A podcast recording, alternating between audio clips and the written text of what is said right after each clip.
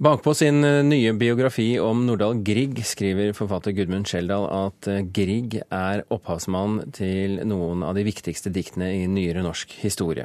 Før 22. juli ville kanskje ikke vært så enig med han, eh, kanskje de ikke ville brydd seg. Men etter 22. juli er påstanden nærmest en selvfølgelighet. Til ungdommen, eksempel. Hvor henter disse diktene kraften sin fra, spør han på baksiden. Velkommen til Kulturnytt, Gudmund Skjeldal. Tusen takk. Det er tre år siden du satte deg fore å skrive denne biografien om Nordahl Grieg. Hvorfor ville du det? Jeg eh, har en sånn personlig historie, så å si. Jeg er jo ikke gammel, men faren min var gammel, og han er død nå. Men han opplevde krigen og opplevde å miste en bror. Eh, så Nordahl Grieg var alltid med som en slags tolk eller skald eller trøst eh, i tapet av en bror og i de minnetallene og i de minnebøkene jeg har lest om det krigsavsnittet. Så det er nå min historie, så å si, at Nordahl Grieg har svevet over vatna. Eh, og så har han vært eggende for meg fordi han, han, er både mjuk og hard. Han er dikter, og han dør i et bombefly. Og lenge, holdt på å si lenge før 22. juli Iallfall i de siste årene nå har han blitt brukt politisk, til og med i Afghanistan. Så det er noe sånn veldig sammensett spennende ved Nordahl-Grieg. Hva ville du finne ut av? Jeg ville finne iallfall helt konkret ut av hvorfor han er med det bombeflyet som blir hans bane. Eh, for det kanskje helt banale svaret er at han er en journalist som vil dekke en viktig begivenhet. At at de prøver å Eller midt i krigen prøver å vinne over, og er i ferd med å vinne over Nazi-Tyskland og Hitler. Men så, hvis en gjør dette grundig, eller går inn i holdt på å si, materien, eh, så dukker spørsmålet opp. Ja, men Nordahl Grieg er jo ansatt av UD. Nordahl Griegs jobb som ansatt av UD og i eksilregjeringen i London, han skal sette mot i nordmenn hjemme og ute. Det er iallfall hans begrunnelse. Han maser seg med, bruker et år på å mase seg med et britisk bombefly.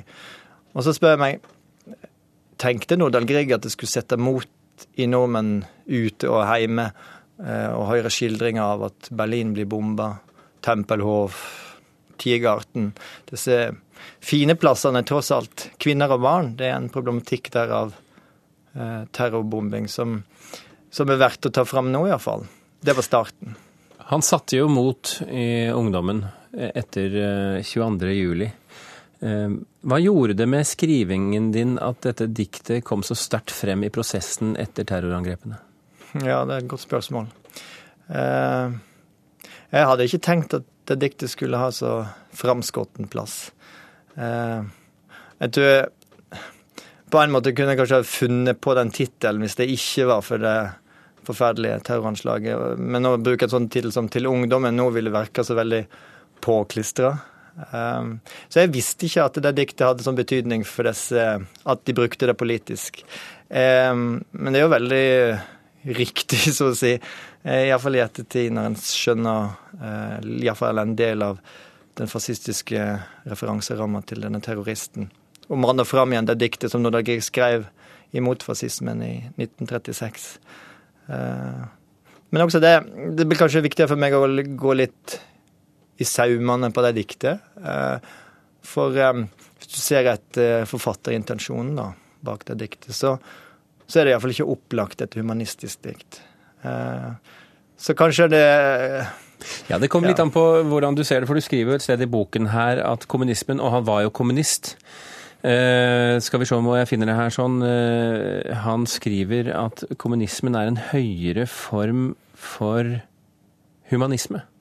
Så sånn sett et humanistisk dikt? Ja. Eh, Nordahl Grieg ble svoren kommunist, så å si. Sovjetkommunist, er det kanskje rettere å si. Etter han bodde der lenge. Det skal han ha i 33 og 34. 1933 til 1934. Eh, når han sier at sovjetkommunismen representerer en høyere form for humanisme, så mener han med det da må man tåle at enkeltmennesker går under. Nordahl Grieg veit at Stalin så å si, går hardhendt fram. Eh, men det må man tåle fordi målet er så edelt og så høyt. Eh, Han var ingen da, tilhenger av individualismen heller, som sådan? Nei, iallfall ikke individualismen, men det er klart, sånn um, litt i en rolig ettertid så må man spørre seg hva med, hva med liberalismen i Ikke økonomisk, men i politisk forstand. Hva med verdien av hvert enkelt menneske? Kan man si det sånn som Nordal kanskje av og til gjorde, at 10 000 mennesker er viktigere enn ett menneske, og derfor så må man takle, tåle at en del bukker under fordi man må gå så hardhendt fram og skynde seg med industrialiseringa. Nordal Griegs på en måte trumf, tror jeg, den tida var at ja, du må gjerne si at eh, Stalin går hardhendt fram, men hva er alternativet til Sovjet eh, og kommunismen? Jo, det er Hitlers framvekst og fascismens framvekst. Så hvis du ikke satser på Stalin, ikke, hvis du ikke satser på Sovjet, så, eh, så er det ikke noe alternativ igjen. Såpass polarisert var den tida. Hva var det Grieg så da han var i Russland? Ja, Han var jo ikke på bygdene. Det, det, og hvis du liksom skal være sånn petimeter mot han, så kan du si du lærte deg jo heller ikke det russiske språket når du var. Du bodde i byene. Du var jo på sett og vis i ei boble. Eh, men samtidig så bodde Nola Grieg lenge i Moskva og reiste en del iallfall rundt omkring. Eh, og møtte forfatterkolleger, eh, teaterfolk. Ble venn med mange og, og følte Og det må en ta på ordet, en sånn sann brorskap Eh, med, med disse forfattervennene. Det som er så tragisk, er jo at disse forfatter- og, og, og kunstnerkollegene og vennene, som er så broderlige og storbroderlige mot han, eh, de ryker med mange av de fire år etter i terroren. Um, så det er, det er, liksom noe av det vonde, da. Ja, Nordahl Grieg føler seg som en bror i dette samfunnet og blir så hva skal jeg si, fornya av de vennene. Og så går de under eh, i et samfunn som han tror så sterkt på. Hvordan kom til ungdommen til verden? Ja, Det kom veldig sånn konkret til verden på den måten at en, eh, en politisk kollega han ba om et eh, dikt som, som, kunne brukes til å stive opp en sånn det man kalte russefest en gang, som var innledning på, på studieåret. Eh, og da Ved universitetet? Ja, takk skal du ha. Universitetet i Oslo. Jeg er så inne i det at jeg glemmer de der små tinga i tillegg. Eh, og da er nå ligger jeg sørpå i Ny-Hellesund og, og, har fått lånt ei lita øy. Jeg ble liksom betatt av en detalj med en hegre, som for meg er en sånn slags rovdyr, iallfall halvt rovdyraktig fugl, som man, eh, som man ser hver morgen når han skal til den vesle dikterbua. Eh, og den hegeren ser ei stund på den før den flyr vekk. På et, på et vis er det et bilde på den fascismen han ville skremme vekk da, med det diktet. Og denne hegeren på den lille øya Det er lett å la tankene gå til Utøya. Det er omtrent samme størrelse på den øya der nede i Ny-Hellesund. Ja, det, var, det, er et godt poeng du nevner. Eh, fordi eh, da jeg så på disse tingene på ny i fjor, så var det liksom frysninger på ryggen av de geografiske parallellene og, og hva den hegeren på en måte kan billedliggjøre på ny. da.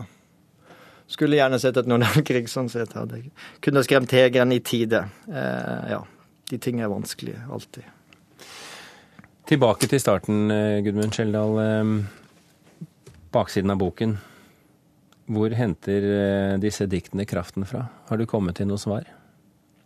Altså, i, i min biografi så har iallfall prøvd å manne fram sovjetsamfunnet. Langt på vei sånn Nordahl Grieg opplevde det og ble ikke frelst, men ble forfriska av det. Eh, men det er klart, sånn som til ungdommen etter 22. juli i fjor, det er jo en klang av skjebnetid. Eh, når vi nevner Nordahl Grieg, så klinger eh, okkupasjon, bombing av London, et menneske som gir livet sitt for det aller beste med. da. Eh, så diktet henter jo kraft fra hele det skjebnetunge som krigen er. Nordahl Grieg henter mye kraft fra Sovjet. Var det med andre ord et eh, riktig dikt ungdommen grep fatt i den dagen? Ja, det må man veldig langt på vei si. Eh, og det, vi kan være stolte av det diktet i ettertid. Gudmund Skjeldal, holdt jeg, på å si eh, Nordahl Grieg. Gudmund eh, Skjeldal, forfatter av boken eh, 'Dikteren i bombeflyet', biografien til, om Nordahl Grieg. Tusen hjertelig takk for at du kom til Kulturnytt. Tusen takk.